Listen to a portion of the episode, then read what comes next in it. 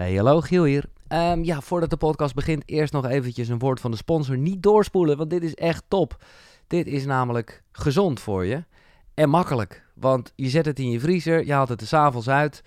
en de volgende dag heb je gewoon een goed ontbijt. Of in ieder geval een aanvulling erop. Namelijk een flesje met een sapje erin. 400 gram groente per sapje, 100% biologisch. En dat is gemaakt door Sap.je. Misschien kan je het herinneren, ik heb ooit een keer de founding father Joel gesproken... Uh, in Koekeroe aflevering 48 was een waanzinnig gesprek. En het is echt, ja, een bedrijf met een ziel.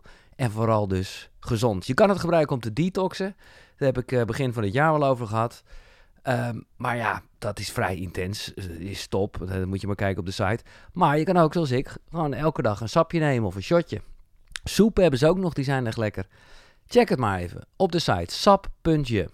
En nou is het mooie, en dat ben ik echt super dankbaar voor, want het is niet niks, dat je bij de eerste bestelling 40% korting krijgt. En dat is, nou ja, je zal het zien als je een paar dingetjes aantikt. Ja, het is allemaal gezond en 100% biologisch. Dus dat kost wat. Ja, het is kwaliteit. En dan is 40% korting echt veel. Gebruik daarvoor de code koekeroe bij het afrekenen. Dus ga naar sap.je en krijg 40% korting met de code koekeroe. Sapje, dankjewel. Alright, it's a pleasure and it's a, it's a, it's an honor to have this guy who uh, went with me on a trip, not in real life, but um, you know, you have to know Michael. Uh, I'm glad you're here. Welcome in the show. Thank you. I'm glad to be here. Uh, so, uh, during the beginning of this year, I went for a, a big world trip with my then girlfriend, now my wife. And this was great because I was reading your first book, The Comfort Crisis. Uh, and I was, um, well, in Japan and was reading about forest bathing, which I actually did, and you were uh, writing about that. And then I went to New Zealand with a camper van, and well, then I was, uh, well, almost every evening was reading your adventure uh, during your trip in Alaska. Uh, my trip in New Zealand wasn't that uncomfortable, but I was learning a lot. Actually, what I learned for you, and I really did it, was the three day effect. And mm. that was a great thing because uh, I was traveling and uh, I was still using my phone a lot, making photos, texting with people. And of course, I was enjoying the nature. But then um, well, I I, I, I wrote your book, uh, and it was it was about the three day effect. So I thought, okay, I have to put off my phone for three days. And now, and it was it was in a great uh, moment of that trip as well. But for me now, it's one of the most well uh, beautiful, most beautiful things in New Zealand. And then, and then we come to your new book because then okay, the three day uh, it was over, and uh, okay, I, I I still put on my I put on my phone again, and at that point I thought, why is it? Because immediately I was like for an hour checking news, uh, radio things, which is my work, and well, and I thought, why, why, wow, and now there's your new book, the Scarcity Brain. Scarcity. I, don't, how how do I pronounce it? Scarcity. Scarcity. Yes, scarcity. Mm-hmm. And well, It's about this. So, a, a bit in Dutch. Uh, Michael Easter, hij schreef het boek The Comfort Crisis. Hij is een journalist, heeft voor de Men's Health dingen gedaan en Vice bijvoorbeeld. En op een gegeven moment was er een gast die hem uitdaagde, ga je mee naar Alaska? Hij denkt, oké, waarom niet? Ik probeer wel eens wat. Heeft hij vijf maanden lang in Alaska nou ja, survived. ja, en, en daar gaat het boek over, The Comfort Crisis, over het oncomfortabele. En nu gaat het over zijn nieuwe boek. Gaat dus over hoe wij gewired zijn en hoe schaarste in ons zit. En dat is dus weer, well, talking about my, my phone and my addiction. It's all about our brain and how we are wired. Um, and we're going to talk about both books in, in, in one conversation, of course. But I was thinking, all right, now Michael Easter is living the good life he knows what to do live uncomfortable and and uh, yeah your wild happy uh, uh, self healthy self but well when i was reading your new book i thought okay he's back to his normal routines with the phone and the alcohol drinking. And so, when was the moment you thought, okay, I'm going to write a new book? Well, so I was in the process of finishing The Comfort Crisis, and I had to turn that book in in May of 2020. Mm-hmm. So this was about two months in the pandemic. And you notice in the pandemic that um, sort of what everyone did is everyone freaks out. And what do we do when we freak out? Because we hear, oh, we're not going to have enough toilet paper, we're not going to have enough hand sanitizer, uh, we're not going to have enough of all these things. So but everyone runs to the grocery stores, right? And they there's yeah. brawls in the aisles. I mean, it's just it's just a war zone to amass and get as much stuff as we can. And then soon after that, um, you know, people start doing all kinds of online shopping. You see screen time go up across the board. You see all these unhealthy behaviors spike, and you see a lot of healthy behaviors um, drop. And so it, a lot of it was wondering, you know, why is that? What is the sort of deeper reason? What is what is pushing that? And uh, it led to this book, The Scarcity Brain, which I argue um, humans are very susceptible to what I would call scarcity. So when we think we don't have enough, we reach for more, we overconsume. Mm-hmm. But the thing is, is that um, we tend to always assume we don't have enough. Yeah. We are the type of creature that is never really satisfied. So when you think about how the world has changed, it's like in the past, the average person, you know, even 200 years ago, you might own a few things. Um, you might have some items that were handed down to you. The average home today in the US, at least, has 10,000 items. We throw out in, in the US, we throw out a third of the food that we produce. We have so much food. Yeah. We throw out a third of it. And in the past, most people were hungry most of the time. Like your life was an act of getting food. Yeah. On and on and on. Now, what's interesting though, and why I started thinking sort of about what got me sort of deeper down this rabbit hole is that I live in Las Vegas. Huh. So if your listeners are familiar with Las Vegas, it's the about one gam- thing, yeah, yeah, yeah. It's the gambling capital of the world, and uh, this you see a lot of weird things in this town. I mean, you know, it's kind of like built on vice and yeah. and all that. But the weirdest thing is slot machines. Yeah. So our casinos are filled with slot machines. 90% of the gambling floor is slot machines. But what's even stranger is that uh, grocery stores, gas stations, restaurants, bars, the airport. Yeah, I was I was thinking when you come in the airport, you already see them. Yeah, it's crazy. You, yeah, you you walk off your uh, off the jetway of your plane, and you're basically in a casino filled yeah. with slot machines. Is the airport, um, and these slot machines, so they're everywhere, and they don't sit empty. As people play them around the clock. Mm-hmm. I mean, I'll be getting groceries at 7 a.m. on a Tuesday, and there'll be like five people playing slot machines at the grocery store, at the market, and um, it doesn't make any sense because everyone knows the house always wins, right? The longer you play, you're never going to make money. You're never going to profit on a slot machine. Everyone knows that. So it's like, why do people do this thing that they do over and over and over? They know is going to hurt them in the long run. So I start thinking about this. I want to know, okay, why do people like slot machines? Um, the first people I talk to are the scientists who basically uh, research problem gambling and they give me all these answers um, that it turns out are just terrible answers. so they basically tell me, they're like, oh, well, casinos don't have clocks in them, and slot machines only play in the note of C, and people like the note of C. It makes us feel more relaxed and yeah. spend more money. But if you go into an actual casino, it's like, yeah, there's not clocks everywhere, but like no other business just has clocks everywhere. Exactly. Like it's not a common practice to have clocks everywhere in a business. And then I even call like this slot machine audio composer guy, and I'm like, hey, you make music for slot machines. All in C? yeah. Do you use them all in C? And he's like, no, where the hell did you hear that? You know? Yeah. um, so the problem is that I was going to these people that want us to stop gambling, right? And what I needed to do is talk to people who want you to start gambling. You got to follow the money, basically. Yeah. Um, so this leads me to this place called Black Fire Innovation and this is a uh, casino in Las Vegas. It's the most cutting edge casino in town. It's got the nicest everything, nicest rooms, nicest games, nicest everything. But the public isn't welcome. No. This is a this is a casino laboratory. So the gambling industry has partnered with big technology companies like Adobe, HP, Intel, all these big tech companies to build this casino where they can study human behavior. So they're doing things like figuring out, okay, how does a person's drink order at the coffee bar affect how they're going to gamble later? How much will people bet if they have a real human dealer versus an AI dealer? All these different things, try and figure out how do we get people to gamble more? How do we push people into more? So back to the slot machines. I there I meet with a guy who designs slot machines. And he basically tells me, "Oh, slot machines, yeah, it's very simple how they work. They work on this three-part system." And I call it the scarcity brain.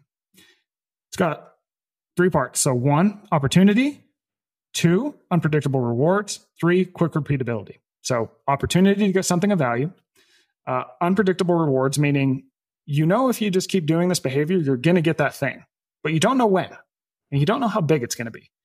And then quick repeatability, you can just repeat the behavior and over, over and over. So think, just go back to the slot machine. You have an opportunity to win money. You play. You don't know if you're going to lose it. You don't know if you're going to win a few quarters. You don't know if you're going to win a life changing amount of money. And you can play and play and play. And that tends to hook people. And that's, I was reading it. I was like, wow, the unsure of the reward that's what it's all about. So you mentioned, for example, in the book, and which is insane, that if you uh, um, maybe you can explain it better, but if you do a thing where you can get electricity shock, um, when it's like a real heavy shock, but you know every time it's the same heavy shock, then okay, you, you, you will used to it, and it's it's okay. But when it is the well, uh, the unpredictable thing, then it's like, oh, oh what's it yes. be? And maybe it's even less shocking, uh, well, literally, but that's how it works. That's when the dopamine spikes the best, the unpredictable yeah. thing. We we hate not knowing and we want to resolve uncertainty basically. Um, but obviously, so there's these big tech companies invested in this casino lab. It's like none of these companies make slot machines, so why do they care? And that's because you can put this three part behavior system called the scarcity loop into all sorts of other products and institutions to get people to repeat behaviors. So when you start to sort of unpack where this thing is, it's in it's so many places. It's in it makes social media work because you think about okay, you post, you have an opportunity to get status you don't know how many likes you're going to get. Could be like one or two likes and like, ah, oh, that kind of sucks. Or it could be so many likes. You could go viral. And oh my God, that feels good. That changed my life, right? And you can check and recheck as much as you like. You can post and repost. It's in uh, dating apps. So swipe, swipe, swipe, swipe, swipe. Am I going to match? Oh my God, I matched with someone. This is amazing. Swipe, swipe, swipe. Right. Yeah. You can just repeat that. And it's so, it's, it's, it's insane. It's bad. It's toxic because of course, for example, Instagram, and a lot of the listeners will use it. Um, normally, uh, how many likes or how many reactions? Of course, they could do it automatic, but it's really like a slot machine that if you open the app, you have to refresh for a bit, and then it's like, oh, yeah, it's there's a slight pause. The slight pause is programmed in. Yeah. So when you refresh, it's not like they're there and the, your results are there instantly. There's a pause because that pause is just like when the reels on the slot machine are falling. Yeah. That's what gambling is. Gambling isn't when you uh, learn whether you've won or lost. It's when you're waiting to learn whether you've won or lost. And and this the system is it's in um, gig work jobs, for example. So Uber and Instacart. I don't know if you have that. Um, mm-hmm these type of jobs, uh, the apps are using the scarcity loop to push their workers to work longer hours, to drive into places they otherwise may not. Elements of this game are being used in that. It's used in um, in YouTube, for example. Mm-hmm. So a lot of it is sort of sort of random rewards, waiting, pushing people into autoplay so they'll quickly repeat, and kind of throwing at them things that they know that will be sort of what's the next one, what's going to be more rewarding to increase the time that you spend watching YouTube because that's how you make money advertising. Yeah. But okay, you say, and we all know, our brains are designed to scan and prioritize scarcity cues. Our minds are less efficient. Uh, we're talking about lack of time, uh, money, calories, all those things. So we're fucked, actually. yeah. so, yeah, of course, it's good to say enough is enough. Uh, but but yeah, well, let's let's go to the big question and the answer. If it's there, how do we get out of that loop? Because we're wired that way. Yeah. Um, there's three ways to stop this scarcity loop, and you, you stop it by basically taking away any one of the three parts of it. So you can take the opportunity away. Mm-hmm. It could be like, you know, if it's a slot machine, you can no longer win, but you can apply that to a lot of a lot of different things that have it. Um, the rewards can start becoming predictable, mm-hmm. or three, you can slow the process down. So if you think about, um, let's say you want to apply it to using social media, you could try and figure out a way where you have to encounter something of a pause before you can even open and load the app. So there's apps that you can install on your phone, which it sounds crazy to install an app so you use another app less, but they actually work because you're slowing down the process. And this is w- one thing that's so interesting about this scarcity loop is it doesn't just work on humans. It works in every single animal. So you can pretty much pretty reliably turn a pigeon into a degenerate gambler by giving them a slot machine like game. They will choose to play the slot machine like game Mhm. over a game that gets them a predictable amount of food. And the only way you can really reverse that is you start to make the game predictable and then who the hell wants to pay that play that because it's that becomes work right that is what work is is it's you're doing this predictable level of labor and you're getting a predictable amount of reward back in the form of a salary and that's boring so unpredictable rewards are are what's fun and exciting really But do you think um, that we, uh, well, can use it in, in, in, in a good way? That was what I was thinking. I don't know. Uh, uh, how how spiritual are you? man i mean i'm, I'm pretty spiritual Yeah. So, don't you think if if, if and and of course we're talking about money and food, the, but in a certain way, and maybe it sounds like a hippie, but we all are well wanting for love and connection. So, I was thinking, I don't know how, but what if we can use that loop for love and connection? Mhm. Well, I can tell you, I can tell you why we are so attracted to it in the first place. And once you understand that, you can start to figure out, okay, well, how do I, how can I use it? So this loop evolved as a sort of quirk in the human brain that we get captured by it because it helped us survive in the past by helping us find food. Mhm. So if you let's pretend it's 2 million years ago, I mean, back in back in those days life was essentially an act of like find food, have kids, don't die. Those were our three goals, right? Yeah. and so there's not much food. We need food or else we're going to starve. So we have to go search the land for it. We got to walk out and find it. So we go to point A, let's say there's no food there. Okay. Okay. Got to go to point B. Oh, nothing there. Got to go to point C. Oh my God, nothing there. Point D, jackpot. There's all kinds of food there. So this is just like a slot machine, right? Yeah, It's like unpredictable. search, Yeah. right? Unpredictable. Yeah. So that seems to be sort of almost hammered into our brain as something that we fall into in order to reinforce that food finding thing, which we did for two and a half million years until we started, you know, inventing Doritos and, and food like that. Yeah. Um, so it still captivates our brain. But this is sort of a longer way of saying if you think about it in the past, as we found food, we were out in nature, we were with people, we were exercising, we were doing all these other things that are good for us. So you can still use elements of the loop to help you get more, I would say, um, engaged with things that are good for you. So something like um, birding, right? You don't know, you're out looking for birds. You don't know when you're seeing them. You don't know what they're going to be, but you're going to do it. And Yeah. along the way, you're outside, you're walking around, you're probably with people. Um, fishing is another example. Yeah.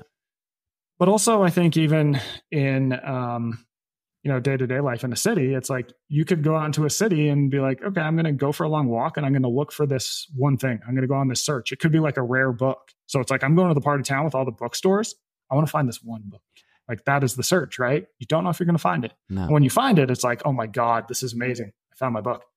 Um, but to your point about love is I, I do think so. Um, I'll tell you that uh, this is like the opposite of love, but people get hooked on bad relationships that are hot and cold Mhm. because of the scarcity. Yeah, yeah, yeah. So if you think about someone who's in a bad relationship with someone who is abusive, it's they tend to stay longer than they should because it's like you hang out with the person one time and they're great. Oh, that was so much fun. And the next time, oh, they're a jerk. Like, what's going on? And so you try again. Oh, they're a jerk again. Well, what happened? Why isn't this person nice? They're nice the next time. You're like, oh, jackpot, I won. So people tend to get hooked into that cycle. So if you can identify that if you're in a bad relationship, at least you can go, oh, well, that's why I'm so obsessed with this person because they're hot and cold. And it yeah. falls into the scarcity loop. And then I could just be like, yeah, that's not working for me anymore. Sorry, I got to take off and find someone who's not a jerk and is nice all the time. Oh, yeah.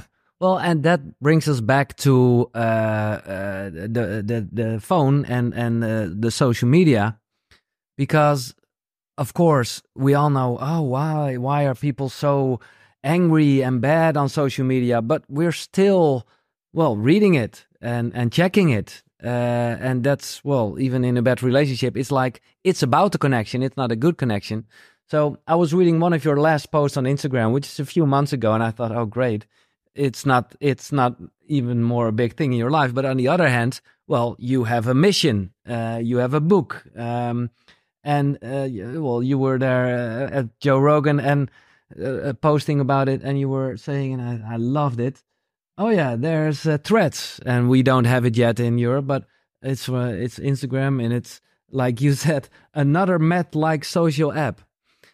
How how how how do you work with this? Because well like i said you are on a mission and and and for example this podcast it's it's so crazy because a lot of times i'm uh, well sharing a part on social media why you shouldn't be on your phone all day um, so it's a little bit confusing in my life um, how do you, how do you work with that yourself yeah i think about it in terms of so if you go back to that first part of the loop, it's opportunity. Yeah.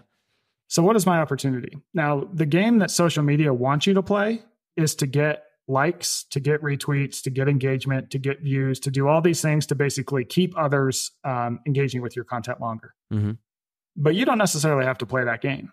You can say, okay, here's what I, here's the goal of me posting. The goal of me posting is not to get likes. It is to spread a certain kind of information, right? For an example, another example, it's to find like minded individuals to connect with in the real world. It's to um, create a network of friends where we communicate. Like you can decide how you want to use social media. You just have to be vigilant about keeping that goal the goal because it is very easy to get sucked in and you might yeah. have to change who you follow. You might have to, you know, when Instagram starts sending you, you know, they know Instagram knows that I love videos of dogs. Yeah, they just, they exactly. just so I'm like, you know, when I've blown 20 minutes watching dog videos, I'm like, oh my God, I need to do the, you know, show me less content of dogs, please. Cause I know the dogs are just going to suck me in every time. yeah. Yeah. But is it hard for you? Because uh, it sounds almost for me too good to be true. And I, I'm aware of this and busy with those themes. But yeah, to be honest, when I post something about my podcast, yeah, I'm checking the likes, I'm checking the reactions, uh, mm-hmm. and and and I feel loved, and I feel bad, and I well, yeah. There's um yeah, and I think that there.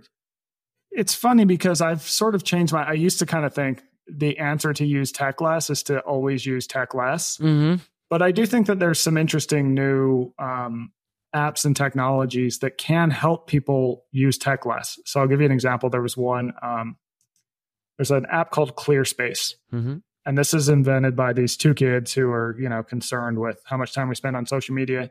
And they really have made it um, a device that slows down the repetition. So you choose how many times am I going to go into this app a day. Mm-hmm. So you've made a, a, decision beforehand, right? It's not that you you were okay, in there and you got sucked in. So you've got okay three times, and then when you load it up, it um, you have to go through a series of steps and it really slows things down. And it even has a feature where it's like okay before you can get into instagram i want you to take a deep breath. I want you to relax for a minute. And then you go and then it asks you how much time do you want to spend here?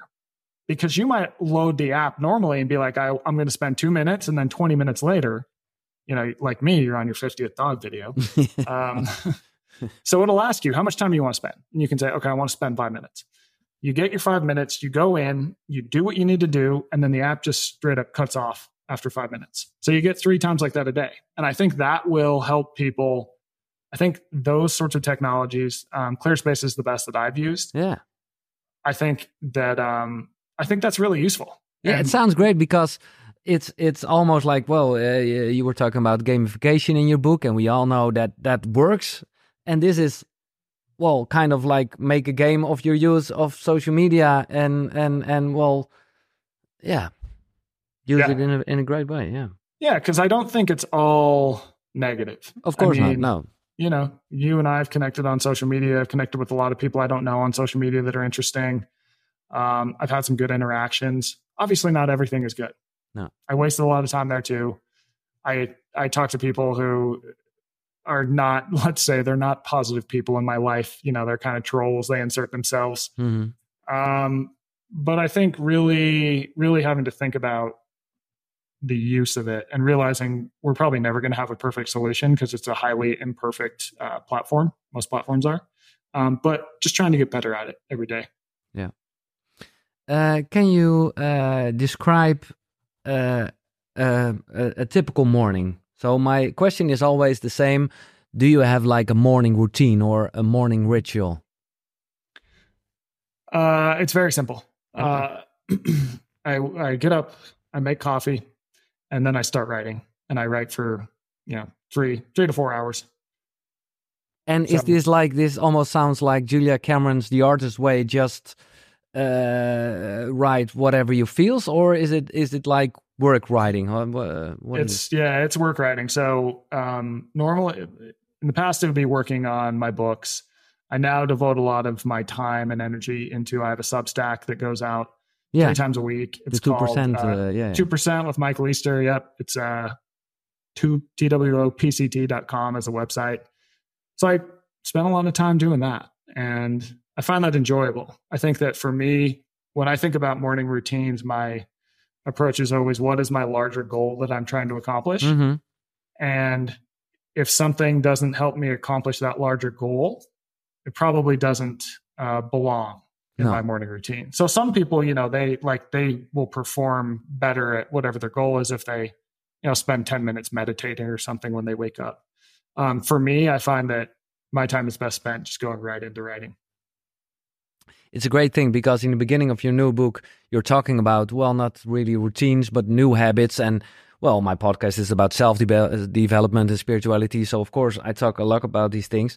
And you say and this is great i'm particularly interested in how can we resolve the behaviors that hurt us most. So not making new routines and new habits which is always great but it's about uh, you say here uh, it doesn't matter how much gas we give good new habits if we don't resolve our bad ones we still have our foot on the brake and this is Yeah. about the scarcity brain we're talking about um, Yeah, I think it makes I think it's a better return on your time invested to clear up the things that are holding you back than if you're still held, held back and you're just adding more stuff. You're just adding more stress and you still haven't you're not devoting your time in a way that would give you the most return on your time invested. no but it's like a thin line you were saying about uh, the, how many things uh, a general household have uh, and i was thinking about the whole minimalistic thing which I, I i know where it comes from but in a certain way it can be like a new addiction as well Yeah. you know what i mean so it's like Yeah. oh no no i have i have 10 things and not more than 10 things and then it's Yeah. like yeah yeah like i said Uh, it's it, it's the same thing then Yeah, I talked to a as for for the book Scarcity Brain. I talked to a woman who studies hoarding. So she's a professor at the University of Michigan, and she talked to me about how hoarding, when we think about it in terms of um, getting a bunch of items, the reason people hoard is usually some underlying problem Mhm. like they have anxiety they've got you know stress depression and they deal with it by purchasing stuff purchasing too much stuff saving too much stuff. But she said on the other hand is this um, trend of minimalism which is the same type of deal.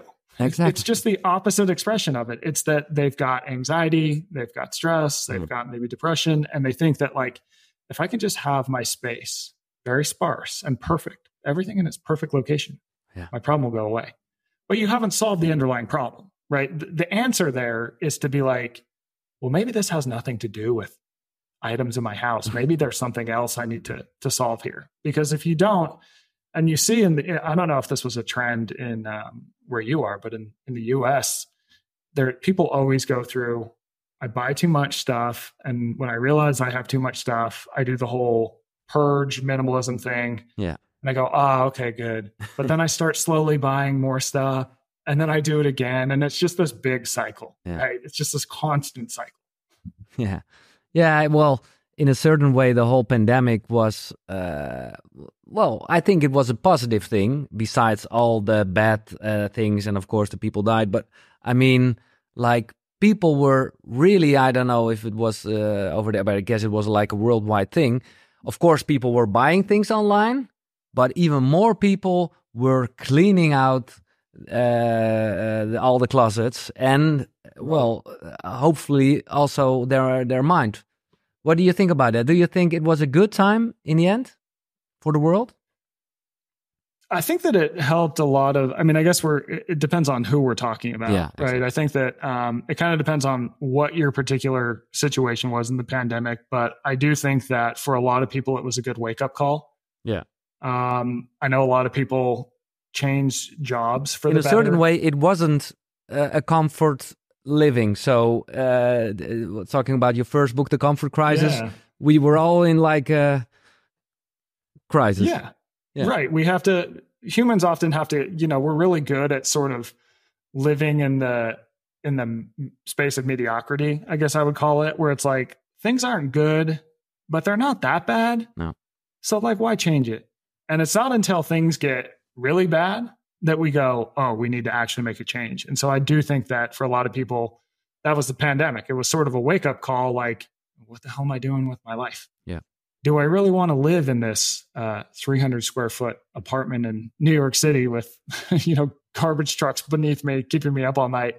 Or should I, you know, maybe be spending more time outdoors? Yeah. That leads to maybe moving. And um, I think, it, I think in a lot of ways it was good. I mean, I think for everyone there was downsides Yeah, of course. and there was upsides. I think it just depends, you know, where you sat. Hopefully, you had more upsides rather than downsides.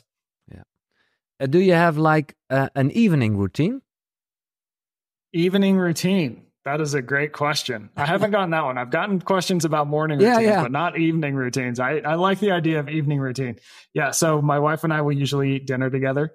And um, if I have work and she has work, we'll usually do some work after dinner, but we'll work together. Like I'll I'll sit and crank out emails on the couch and then we will usually watch a show that we've agreed on, or we'll even play, and this is kind of new.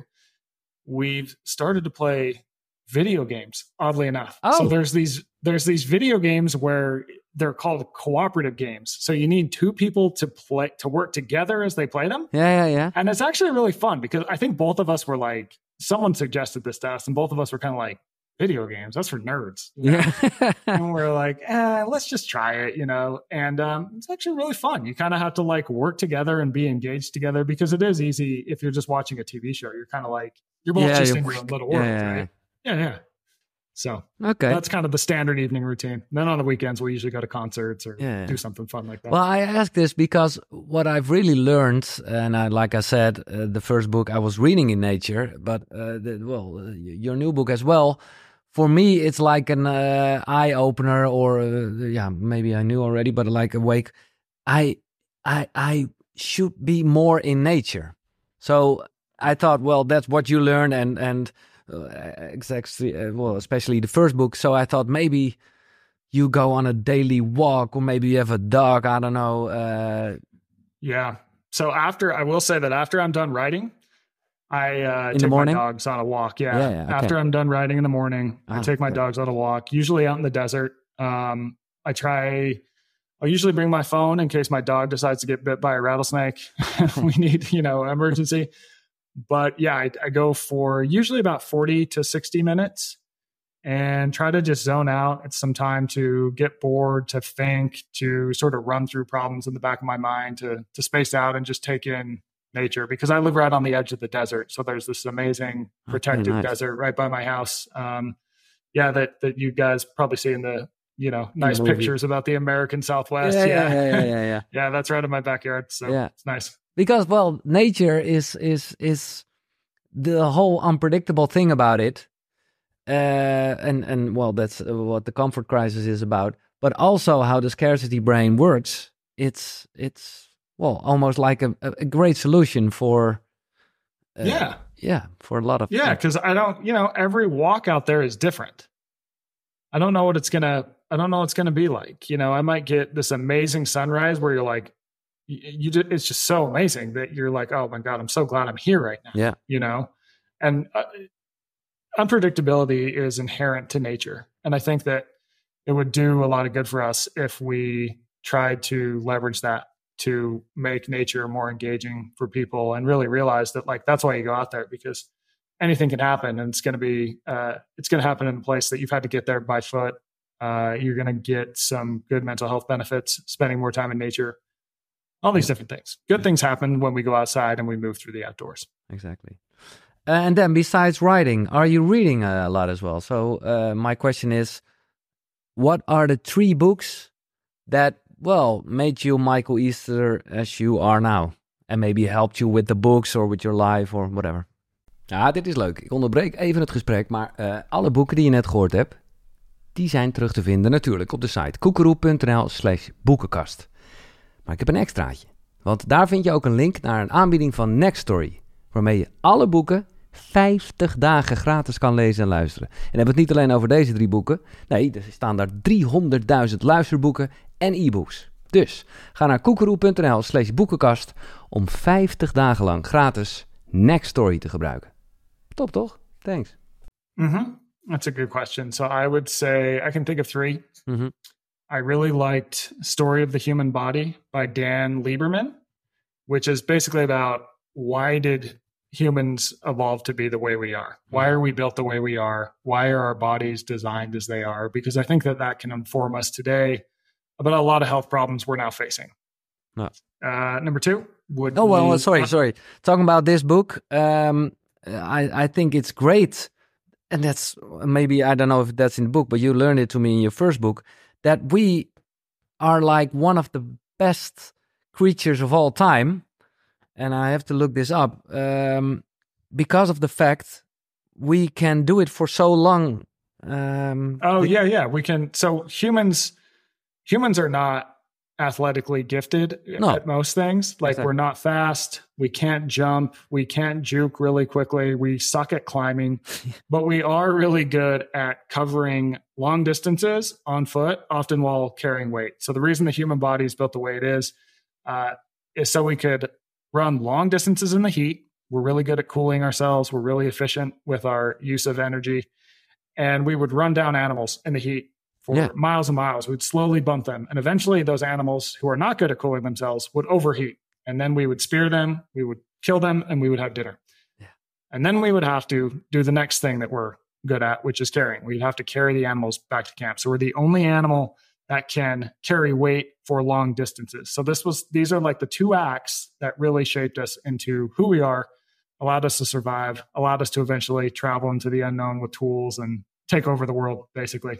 Yeah, well, this was the part where I thought, yeah, we're like Team Human. We are like the motherfuckers who, who, who rule the world, of course. But in a certain way, sometimes you think, oh, we're not as fast as or whatever. But yeah, well, thanks yep. for this. And do you and, know? Do you know the animal that is the best endurance animal mammal? No, it is uh, sled dogs. So, but they can't do it in the heat. That's what we're good at. So sled dogs in the winter their VO2 max, I think, goes up to like 180 on average, and they can cover 100 miles in a day running about four minute miles, and they'll do it for 30 days straight. I mean, they're phenomenal endurance athletes. But if you put them at the equator in any type of heat, they'll literally overheat in like 20 minutes. Yeah, they're yeah. done. But not in heat, yeah. Uh, the story of a human body. And and when was the moment you read that book? Were you like a young guy or? Uh... Yeah, I was probably 27, 28. I'm yeah. 36 now. So a lot of it is I had been I had been an editor at Men's Health magazine for a long time and had been thinking about health and fitness for a while. And I think it was particularly Dan Lieberman's work and a few the work of a few other people that got me thinking about sort of these larger timescales of like what are humans supposed to be good at? Yeah. And how can that guide our thinking about health and living better today. Yeah, yeah. So, would you call yourself a biohacker or not at all? Uh, not really. Um, Yeah, I don't do. I mean, part of it is because I, I associate kind of strange, far out experiments with biohackers. Yeah. You know, like I'm going to inject this strange substance into my body because I read a study on rats. Like, I'm not interested. No, in no, no, okay. Um, but I would say that I am interested in thinking about how humans today can live better. And my own perspective is less leveraging sort of brand new science to bring us into ideal health. It's mm-hmm. more thinking about uh, our past and what we're designed to do and what and has made humans healthy and happy for millions of years and how can i leverage that and put it back into my life? Because really what's changed is our environment right? Our environment now is very comfortable. It's uh, we don't have to put in as much effort. We're surrounded in food all the time. We don't spend as much time in nature. We're attached to screens for more than 12 hours a day. Like that is really what has affected our health. Not so much that we don't have you know some special peptide that we're shooting into our leg every day. No. great. Okay so this was the first book. What's your second book? Um it would be under the banner of heaven. So this is a book by Jon Krakauer and the reason that that is my second book is because i'm a journalist who you know i write these long books that kind of deal with a big topic and they weave together different stories. Yeah. And this book, in my opinion, is the absolute best at doing this. So it, it, more or less tells the history of the Mormon church told through this murder that happened in, I think it was in the early 80s, and the history of polygamy in the Mormon church. And it's just so well done. The stories go back and forth, and the history and the reporting is done in a way, you know, it could sound boring at face value, but the way he writes it, it's the most amazing book ever. Like it just, it's one of the, it's one book that I can remember. I sat down and I started reading it and I looked up, you know, five, six hours later and I was done. Yeah, great. Well, yeah. it's it's a good point of well giving you compliments about both books because that's how you work. It's like you are uh, willing to find an answer on a question in your life, and then sometimes you think, okay, why do I have to know all the details about this guy sitting in a bakery or something? And then it all appears in like, oh yeah, and then you go back to Iraqi again, and then we are still in in in uh, well in the casino. It's it's it's great, Michael. It's uh, it's a pleasure. Uh, to read uh, the first book, of course, well, going to Alaska, and we all want to know, okay, how is it going to be, and will he see a bear? Uh, well, no spoiler at all. Uh, read the book if you if you haven't read it. uh, and well, in in your new book, that's uh, well the same thing again. So now, uh, well, I understand why you mentioned this book then, uh, because that's a that's a really well new way of writing. And since you're like well a, a science journalist, and normally it's like really well business wise, yeah, well your colleagues they write more like, okay, this is the case. This is a. Mm-hmm. So, well, compliments for that uh, because that's that's really uh, fun to read.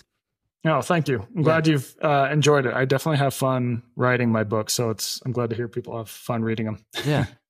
But before we go to the third book, talking about this, well, uh, well you're a journalist. Uh, you're you're like, uh, well, the, the well busy with with with um, well world uh, things. And that's why i ask you this question how spiritual are you are you? And you said well kind of spiritual. But in in my life because i talk about spirituality a lot but also about biohacking and and well uh, self development how do you um yeah how do you go on with that? Because at a certain point in your book you're saying too much science and we lose the most important aspects of the human experience too much soul and we can lead ourselves into uh, delusion. So mm-hmm. it's it's it's how do you how do you find do your way between those things? Thread that, yeah. I mean, I will say that I think that some of the most important experiences in my life they couldn't be explained by science. Like you just can't, uh, you know, you can't do a, a brain scan and tell me, oh, it's because this dopamine shot at him. It's like, no, that's no. not really that. We're Like we don't know enough yet. Um, at the same time, I think that science can inform and help us understand why certain behaviors seem to be good for us.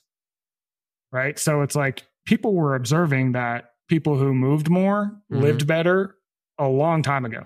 Yeah. We just didn't know why. So science can come in and say, well, here's why. And then we go, you get more people to go, oh, okay. Well, yeah, that, that seems good. And then we can develop new things based on those ideas. Um, but I think that when we fall too far into the science camp and thinking of, you know, what a study says as effectively the capital T truth, it's like studies are not constructed that well most of the time. Like they got to make a lot of jumps. It's like you're choosing which group you're going to use. You're going to use a certain type of people. They're probably going to be Western people. It's a high likelihood they're going to be college students. It's a high likelihood. There's all these things where it just doesn't apply to everyone. And if you if you read studies as if they're gospel, you just miss the boat, and it's Mhm. not helpful for a lot of people. You're going to miss a lot of populations, and um, I think it can push people away too from these these experiences that aren't quite explainable, but can change a person even more profoundly.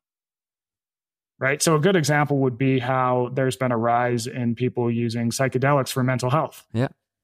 Right. It's like, well, how the hell do those work? And people would be like, well, the serotonin and the dopamine and blah, blah, blah. It's like, fuck off. Like, Yeah. that's not uh, when people talk about the insights they have that is not it right there's something there that is sort of deeper and currently unexplainable and so that's why i say you know balance science with soul you got to have some you got to have science on one hand but also you can't treat it like it's gospel and you have to understand that there there are things we don't know and be willing to accept that and even lean into it Yeah. Great. Thank you. Uh, and then your third book. That would be Con- uh, Confederacy of Dunces. So this is uh, this is a this is a fiction book, Okay. And it's about this guy who lives in New Orleans with his mother, and it is uh, he's very he has grandiose view, views of himself, and it is the funniest book you will ever read, Okay. and it's just so entertaining and hilarious that um, it's made me try and think about. Um, so one of my rules for life is rule number sixty-two, which is don't take yourself so damn seriously. and the other, yeah. and so this this book totally fits into that and it's just hilarious um i always think because i'm writing about you know science and how to live better and kind of balancing the topics we just talked about but ultimately like if something isn't entertaining it's like people people aren't going to read it so Mm. like you can't take yourself super serious you Mm. know or else you kind of lose people and so i think that was an important book for me to realize you can be like writing can be fun and you can say funny things Wow. And when was or the at least moment try you, to uh, you you read that book for the first time? i probably read that book for the first time when i was maybe 14 Yeah, yeah, exactly. yeah Yeah. Yeah, so that was an early one. Okay. Um, I want to, um, well, go to some specific things in both of your books. Um, first, talk about pride, uh, which is a good thing. Sometimes it is. So maybe you can explain what the thing, uh, what what the difference is between authentic pride and um, what do you call it, hubristic pride? Hubristic pride, yeah. hmm Yeah, and I think that pride is is often a good thing. It's this positive feeling we get that reinforces doing good things. Uh, but the issue is that there's two different kinds of pride. There's authentic pride. So this comes from actually doing big good things and having them work out. Mhm. And you get this internal feeling of like, oh, that feels great. Now, if other people see you do that thing, then it feels even better because now you get like some social boost, right? Mhm. Hub- hubristic pride is sort of falsely advertising yourself as a person who does great things and is great. So it, you may not necessarily get anything internal from it. It is entirely to try and get the approval of other people. And you find that people who display too much hubristic pride, it doesn't do them doesn't serve them well in the long time.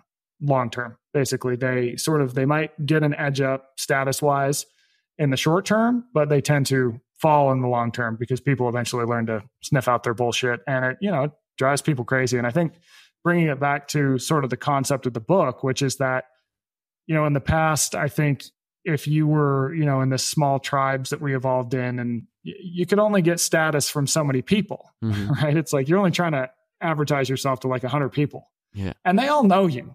You know, if you're trying to like puff your chest, they're like, give me a break, dude. We all know you you know Yeah. um, but now with the rise of the internet you can display this hubristic pride to millions of people The world, with the click yeah. of a button and um, people may not know whether or not you know you're full of it or you're deserving of it. And I think what this can do is it can art- artificially inflate some people who probably shouldn't have as big of a public platform as they do. I think also that um, you can, it also just makes you maybe look bad in the long run in some mm-hmm. cases. Like, you know, now you can, now you can be a jerk in front of millions of people instead of just a hundred. And so, yeah, it's just a much wider net we can cast uh, for pride. Yeah. And for example, talking about yourself, uh, when well your book was finished, you felt that well pride feeling. Of course, you wanna you you you, you wanna uh, well, have world uh, yeah that, that is going to be a bestseller, but even without other people reading your book, you were proud of it. Yeah, yeah. It's like uh, you know, to me, the the takeaway for the average person is no matter what you're doing, do it in a way that you will feel good about it that you think you've done the best job and you will yeah. be if no one else hears about this thing if no, no one else sees it you will be like hell yeah i stand behind that because that is likely going to increase the likelihood that when people do see it or come across it it'll resonate more with them and then it's uh, a thing in your first book, uh, and and for you that's a long time ago. Uh, but you are, are you still hunting? I am. Yep. Okay. Yeah, every fall. Yeah. Oh, every fall. Okay. So, um, this is uh, uh, and yeah, a thing. I don't know if I pronounce it right, um, but it's misogi. Yeah, misogi. Misogi. Yeah.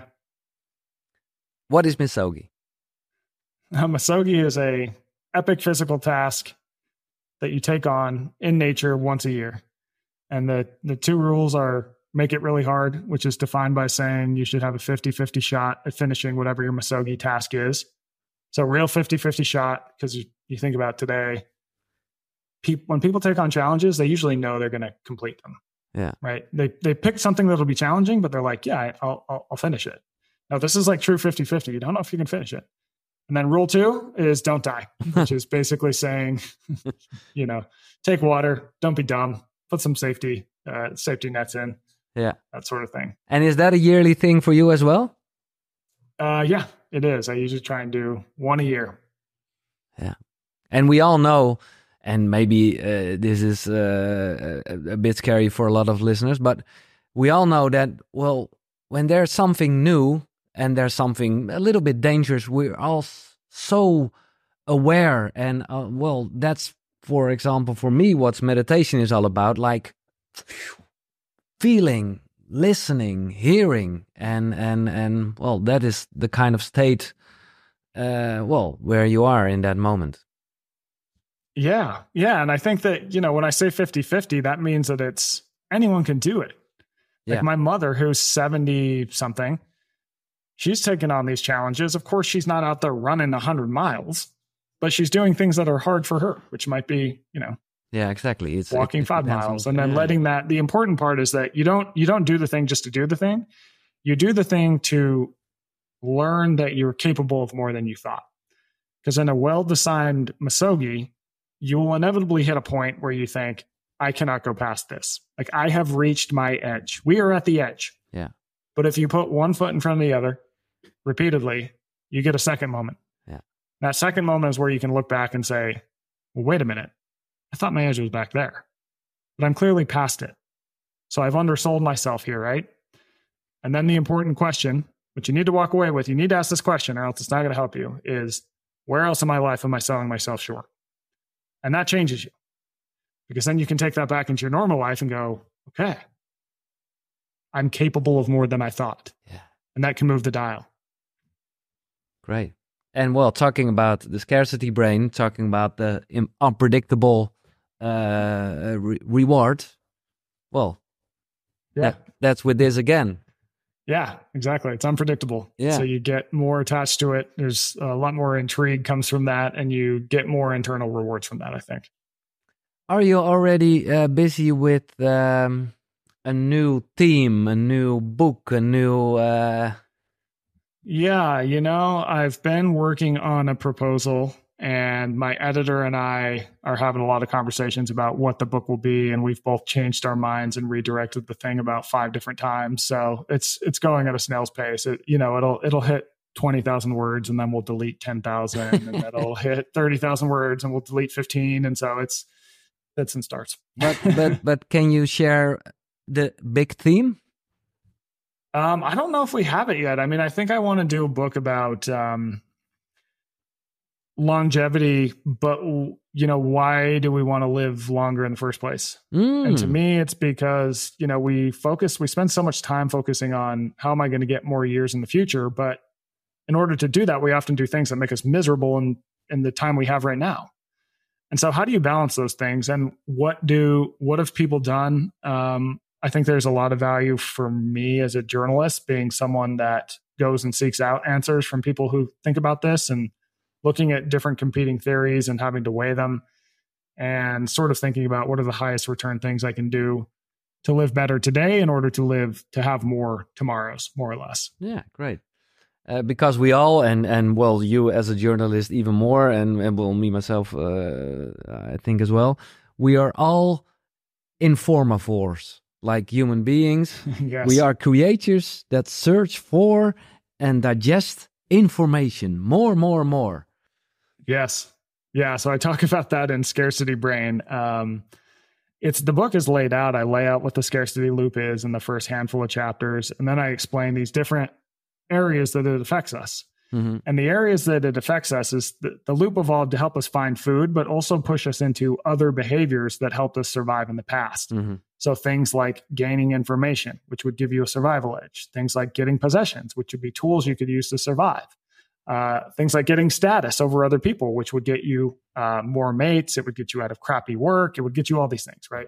So we're evolved to want to crave more of those things. The scarcity loop pushes us into those. But all of those things I just listed are now, we have an abundance of all of them, Mm-hmm. right? We have a million things we could buy on Amazon Prime at any moment. Yeah. We have the Google and the internet and Twitter and libraries full of information. The average person today sees more information in one day than a person 700 years ago did in their entire life. We have all these different ways to get status on social. So, with us being informavores, people that crave information and seek it out, we live in this world now where anytime we have a dumb question that comes into our head, we can Google it.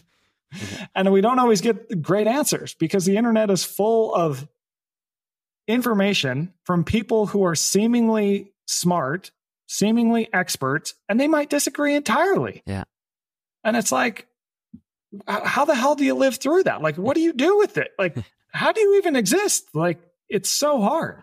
And so the book looks a little bit at that, how the loop affects that, and um, how sometimes this drive we have to always have information can backfire on us, and just basically better ways to find information and vet it. Yeah.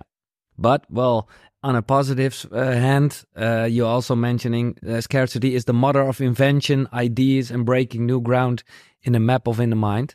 So, Yeah. of course, it helped us a lot as human beings, and well, it still will be. Um, but we we should have been more aware of the fact it's going to be vitamin or toxin, as you say. Yeah. Yeah, exactly. Um, one thing that's interesting is when it comes to information, in the past, we would have had to go on foot and search the world to find information. Mhm. So we are, we're fascinating as a creature because we explore more than any other animal. Like we conquered the world on foot. Mhm. We're everywhere. It's crazy. But now, when we want to know something, instead of having to go there in person into this unknown and learn things, it's like we can have all these, we can just Google it. We have all these mediated experience. Like there's so many times where people, people hardly do anything today without Googling it first, Yeah. right? If you're going to watch a movie, I got to read the reviews. If I'm going to go to a restaurant, I got to read the menu. If I'm going to go shop at a store, I got to read the reviews on all the products. Like, oh, is this going to be good? Like, I can't can't just take the full plunge and enter the unknown. Yeah. I got to know as much information. And I think that that can ultimately uh, misguide us because reviews. I don't find re- like reviews are that helpful because everyone has different um, criteria for making a review, right? If you think about a restaurant, it's like I'm going to give it this star value, but I might give the star that I might give it zero stars because the food was slow. But someone who wanted the food to come out slow might give it five stars. Yeah. And then when you try and go there, and if you don't even care about the time at all, you're like, this isn't helping me at all, but you don't have that context cue. No. So I think trying to just have genuinely authentic new experiences can be really interesting and rewarding for people. Because you have it's it's like the slot machine. It's like you don't know what's gonna happen. No. I picked a restaurant at random. I'm going to go in there and I'm going to see if this is any good. And it might be mediocre, whatever, but it might be this place that I discovered on my own. And it's like, oh my God, this is my place. This is my secret spot. I didn't learn this from the New York Times or the, no. you know, the newspaper. I didn't learn it from Yelp. Like, this place is mine. And that's cool. That's a good thing. To be honest, I'm I'm the guy who's reading the reviews, and uh, most of the times I'm reading the baddest reviews because when I think, oh man, what are you talking about? If this is the baddest thing, then I'm going to check it. But you're absolutely right. It isn't that unpredictable thing anymore uh, because we, we, we read about it too much sometimes with with, yeah. with holidays, with restaurants. Yeah, yeah, yeah. But talking about information and and uh, that was the part I uh, well I didn't know exactly what you meant about it you said we are Googling a lot of things, there's a lot of information. But how does it come that, well, there are now people actually thinking that the world is flat? And I, I, uh, and yeah, you, you, you read something uh, you, uh, about it, but I, I didn't understand that. So I think that um, the world is very complicated. Things are complicated. Yeah. And this is sort of a metaphor for conspiracy theories. So if you think about a conspiracy theory, if you just hear how it works, you might think, well, that sounds complicated. But at the end of the conspiracy theory, it's actually very clear, right? It like explains a very complicated phenomenon in a way that people go, oh, okay, that makes sense, right? Think about like the JFK assassination. Mm-hmm. It couldn't just be that like, yeah, a guy had a gun and blah, blah, blah like people are like, oh, well, it couldn't just be that because that seems too straightforward. It's also kind of ambiguous. Was it him? Like, we don't know all the information. So you got to string together all these points so you can arrive at this like aha moment. So people basically trust this feeling they have that things are clear, and that can sometimes misguide us. Like the world is flat, people. Like they don't understand how the world could be a ball and blah, blah, blah, because what I see is, you know, flatness. And so then they go on the internet and they're like, you know, is the world really round? And they're fed with this idea that like, oh, the world's flat. Here's why we think the world is flat. Mm. And it all makes sense. I mean, it's bullshit, but like the logic holds. And so people go, oh, okay. Well, that, yeah. that makes sense. Now that's an extreme, that's an extreme view, but I think since you work in health and wellness, we often see it a lot in health and wellness, right? It's like you go, oh, well, like, why, why were people more thin in the past? You know, it's like oh God, there's got to be a reason. Like it couldn't just be that like people are eating more of anything. Like it, we're looking for like a, a, real clear thing, and it's like, oh well, you start to see people get fatter. Like when the government started telling us to like eat a certain type of food, so it's definitely the government wanted us to be fatter. Like it's a government conspiracy, right? And then it leads to these wacky diets. Well, like if the government tells you to eat grains, you just need to eat only meat. And that's really the thing, right? So you find people start to go down these rabbit holes of yeah, yeah. Of so in a certain way, that advertise to have the answer, and it can't just be complicated. It yeah. can't just be complicated. And and and uh, that brings us back to the unpredictable part. Maybe in a certain way, the most obvious things like yeah, yeah, we all know. But then you came up, you come up with another theory, and it's like it gives you it gives you an, a, a strange feeling, and maybe. Yeah that gives us dopamine and and that's why we all want to hear those crazy stories because of the unpredictable part of it. Yeah i think it's a search for information that explains something complicated. Yeah yeah yeah. Right? We want to resolve go back to that study you talked about at the beginning where people will choose um, to be shocked rather than not know if they're going to get shocked. Yeah. Just get it over with. I want i want the information because that'll be better. Um, so when you have you know the world is complicated like politics is very complicated there's a there's a million reasons a million dominoes have to fall for something to happen but if you don't understand all those dominoes well that becomes very that sucks to not know so i think conspiracies come in and basically say like no domino a went to domino b went to domino c they're all bullshit dominoes. But at least you know, oh, okay, well that's why the, that's what happened. Yeah. Like now I feel better about this. Yeah, yeah, yeah, yeah. Okay. Um, what do you think? And this is well, like the science guy and the spiritual guy. I, I'm really curious about this, and I read something about it in your first book. What do you think about death? Are you scared about it? To be to to start with. Yeah, I don't know. I think I'm. I don't know if I'm scared about it. I mean, I definitely think about it, and I think that that actually helps me helps guide my time. Yeah. So as part of the last book, I traveled to Bhutan because Bhutan is really interesting in that they're one of the least developed countries on earth, but they score really high in happiness. Yeah. And there's a handful of reasons for that, but one of them is that they have a a more um, a greater awareness of death. So they're told to think about their death. Death is part of the culture. Um, it's sort of woven into living in Bhutan. And I think that that has made them more aware of how they use their time. And uh, I met with this monk in Bhutan, and he basically put it like this He goes, Pretend that you're walking on a trail. And in the trail, on the trail, in 500 yards is a cliff. He goes, Okay, the cliff is death. You're walking towards it right now. And he goes, Don't you want to know there's a cliff? because if you know there's a cliff, then you're probably going to change how you walk the trail. Right? You're going to have different conversations with the people you're on the trail with. You're going to stop and take in the beauty of the trail. You're going to do all these different things. So I think that when we realize that we're eventually going to die, it can change our behavior. And those behavior changes can lead to positive shifts in our life. Yeah. How we spend our time, how we treat others, um, our overall stress from things that are really stupid and flippant in the grand scheme of time and space, Mhm. you know? And that's actually backed up by different studies as well. And is this what you're talking about? Mitakpa? Yeah. Yeah. hmm But you were, uh, and and then we're going to the end. But um, when you say happiness, and and in your new book, you're saying happiness drives the scarcity loop. But well, for me, to be honest, happiness is like such an empty, empty thing, and and that's what I was first saying about love and connection. Don't you think it's more about that instead of happiness? Because what what's happiness? Right. I think that um I think that people worry too much about happiness when really if you just do things that you know are good for you, that are good for others, that um are going to sort of feed you, feed your soul if you will, Yeah, I think you'll wind up happy. exactly. But we kind of live in a at least in the US, we live in a society where people kind of chase the next thing that came out of a happiness study. You know, it's like, oh, you got to be social to be happy. People are like, oh, I, I got to go make friends. I got to go make friends right now. yeah, yeah, it's exactly. like, no, you're missing the point. Um, so I think it's just doing what you know is good for you, doing that's what's going to help others, what's going to help the world, and then I think you find yourself happy rather than worrying about you know happiness as a whole.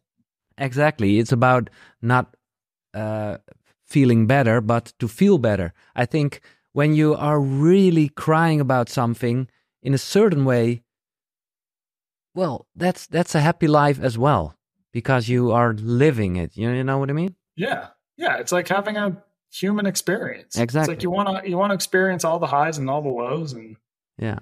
yeah, And what do you think about that? What will happen? And of course, we don't know, and it's but those one of those things we we have no idea what's going on. But of course, you will. Yeah, sometimes you think about it. What do you think that happens? I don't know what happened before we were born. Probably that. Yeah. So what's that? Yeah, yeah whatever that was. yeah. okay, that's that's that's really a science professor answer. This. Um. Yeah, but but well, yeah, but you think like the energy stays, or or what? What do you think? Well, I mean, it does in a sense that like your carbon gets recycled um, to somewhere else. You know, you die, your, your carbon goes somewhere. Yeah. Um, where you know goes out into the to the earth to the to the air, um, and then yeah, I don't know. To me, it's like I don't know, and I'm okay with that. Yeah. Okay. Okay. Okay. That's a good thing. Um. And how do you? Because well, there will be a time, and I hope you will write a lot of new books and and doing great things. but at a certain point, well, uh, something will happen. Um, how do you want to be remembered? Oh, I don't know. I don't know if any like.